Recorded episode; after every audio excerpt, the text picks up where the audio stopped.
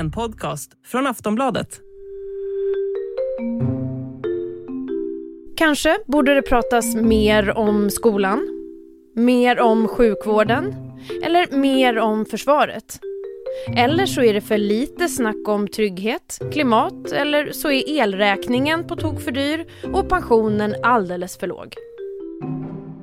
Ja, oavsett vilka frågor just du tycker att det borde fokuseras mer på så vankas det val.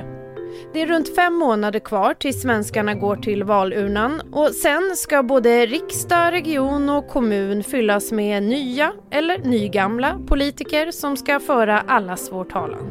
Representativ demokrati, som det ju så fint heter. Det pratas just nu mycket om det vi kallar plånboksfrågor. Det som känns på kontot, räntorna och bränslepriset och sådär. Men om vi lyfter blicken så har vi ju såklart också kriget i Ukraina som påverkar oss på så många sätt. Och här hör ju just ekonomifrågor, utrikespolitik, migration och försvaret och NATO in. Och apropå NATO. Under onsdagen höll statsminister Magdalena Andersson presskonferens tillsammans med Sanna Marin, Finlands statsminister, som var på besök här i Sverige. Sanna Marin sa så här angående Finlands kommande NATO-beslut. We are using this time to analyze and also building common views uh, on the future when it comes to security.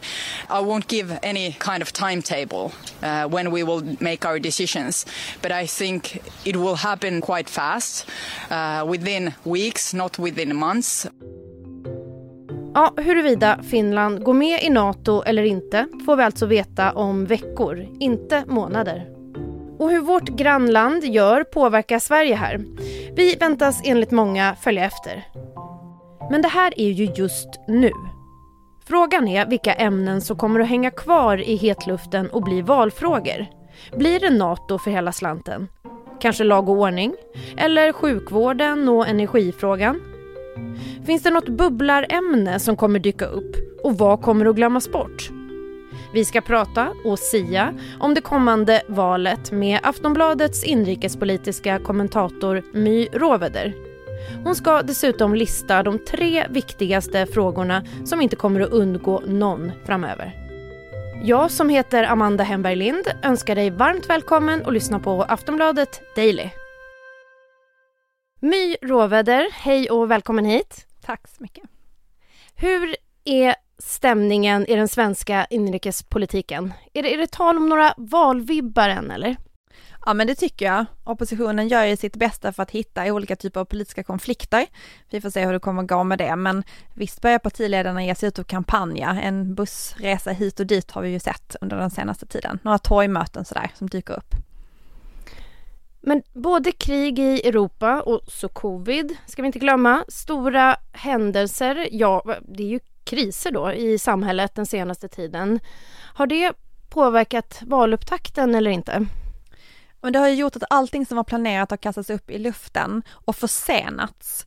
Eh, det börjar liksom bli lite mer normalt läge nu, men kriget i Ukraina har ju påverkar ju fortfarande genom att det är det som människor intresserar sig för och vill veta mer om, alltså frågor som är kopplade till det.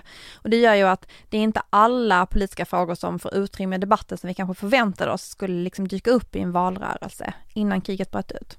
Men har partierna påverkats av det här på så vis att man har fått eh, flytta fokus eller spola några ämnen eller hur skulle du säga, har det påverkat själva partierna i hur de jobbar just nu? Det var ju ganska många dagar av liksom bara väntan på vad som skulle ske. Och sen så har det varit ganska eh, dämpad stämning. Det är inget parti som tycker att det känns särskilt peppigt att dra igång en valrörelse på det sätt som man brukar göra med lite mer sådär liksom festlig känsla, utan det är lite mer dämpat och det blir ju att man pratar väldigt mycket om de frågorna om säkerhetspolitik och försvaret och sådär som eh, ändå är kopplat till det här kriget.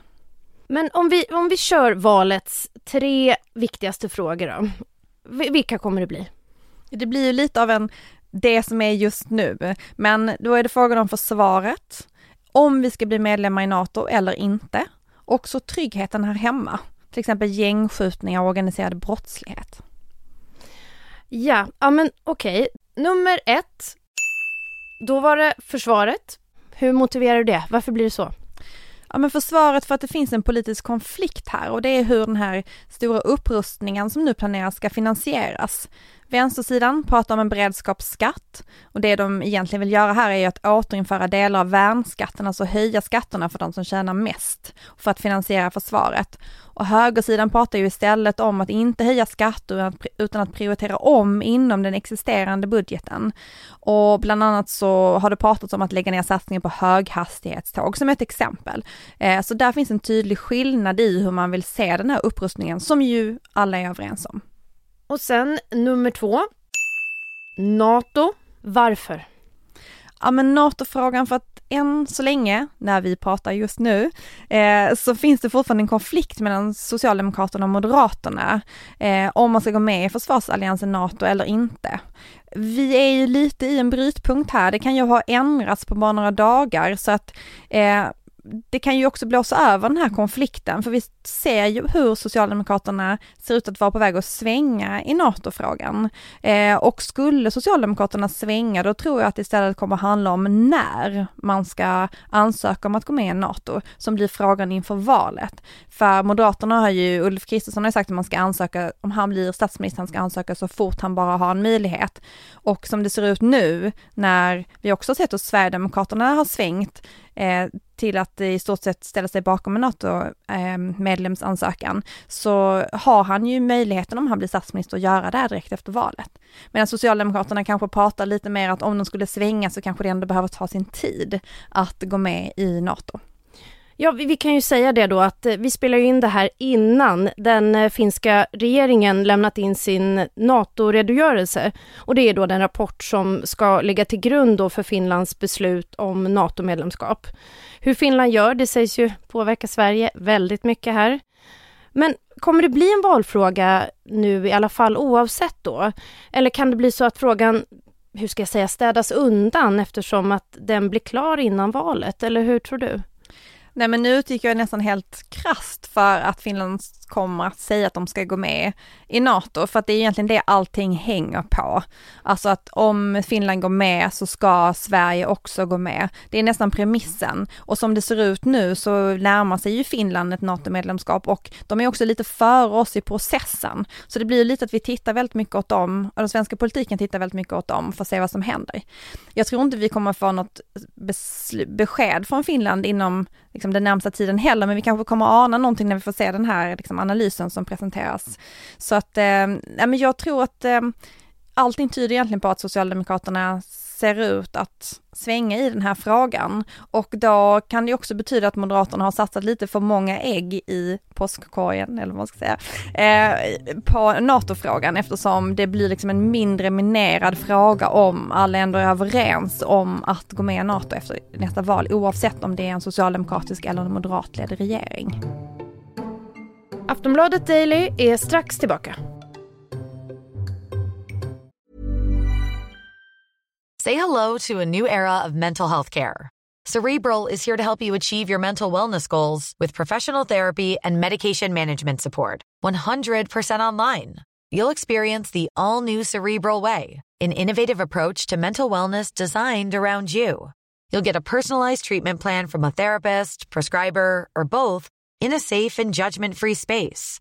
Your cerebral therapist or prescriber will outline a customized plan with clear milestones along the way so you can get to feeling your best. With Cerebral, you're not alone in your mental health journey.